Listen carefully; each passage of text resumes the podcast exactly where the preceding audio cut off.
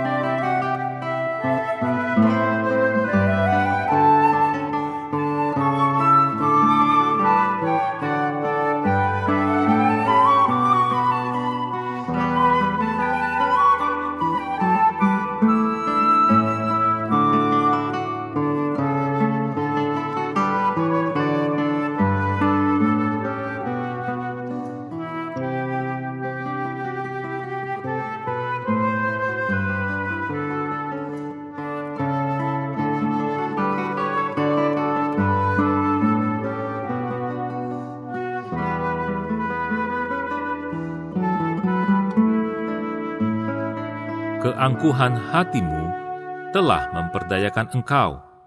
Ya, engkau yang tinggal di liang-liang batu, di tempat kediamanmu yang tinggi. Engkau yang berkata dalam hatimu, Siapakah yang sanggup menurunkan aku ke bumi? Sekalipun engkau terbang tinggi seperti burung Raja Wali, bahkan sekalipun sarangmu ditempatkan di antara bintang-bintang, dari sana pun aku akan menurunkan engkau. Demikianlah firman Tuhan. Obaja pasal 1 ayat 3 dan 4.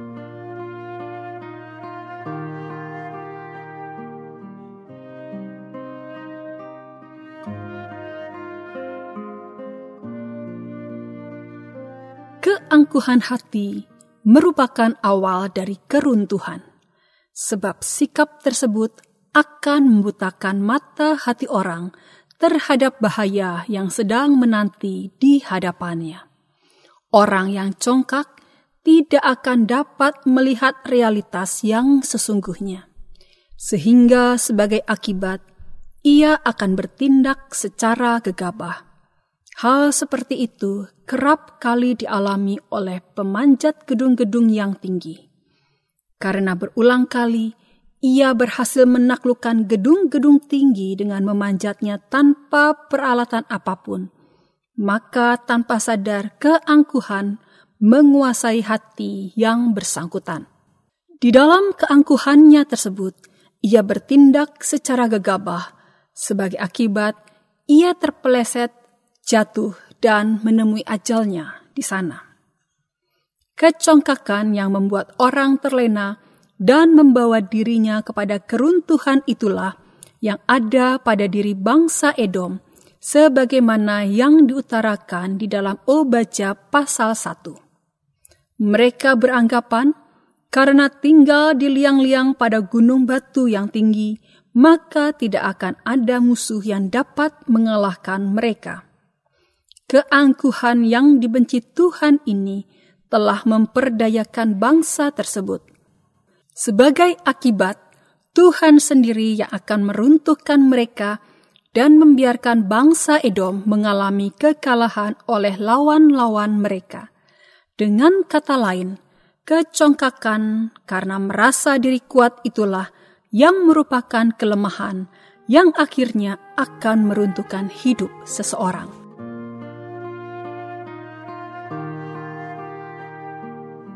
Menurut Anda, congkak atau rendah hatikah diri Anda?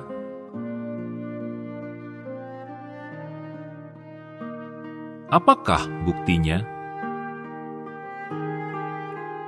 Tuhan, ampunilah kecongkakanku. Sebaliknya, dari menyadari keterbatasan diriku di hadapanmu, sering kali aku justru menyombongkan diriku. Aku beranggapan bahwa semua yang kucapai di dalam hidupku adalah karena upayaku sendiri. Dengan demikian, aku mengabaikan anugerahmu dan hanya bersandar kepada kemampuanku yang rapuh itu. Tuhan, ubahlah hatiku dengan firmanmu, bentuklah sikapku supaya dengan demikian aku dapat mencerminkan hatimu melalui hidupku. Terima kasih untuk pertolonganmu yang telah kualami pada hari ini.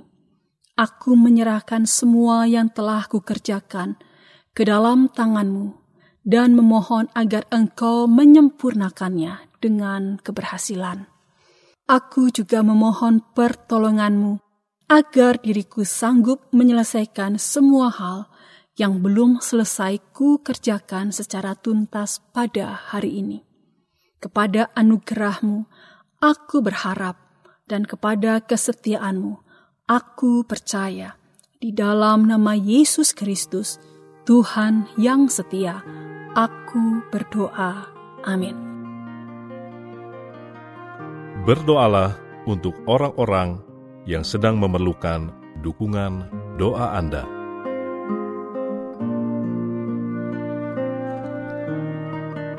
Mari meneduhkan hati di hadapan Tuhan.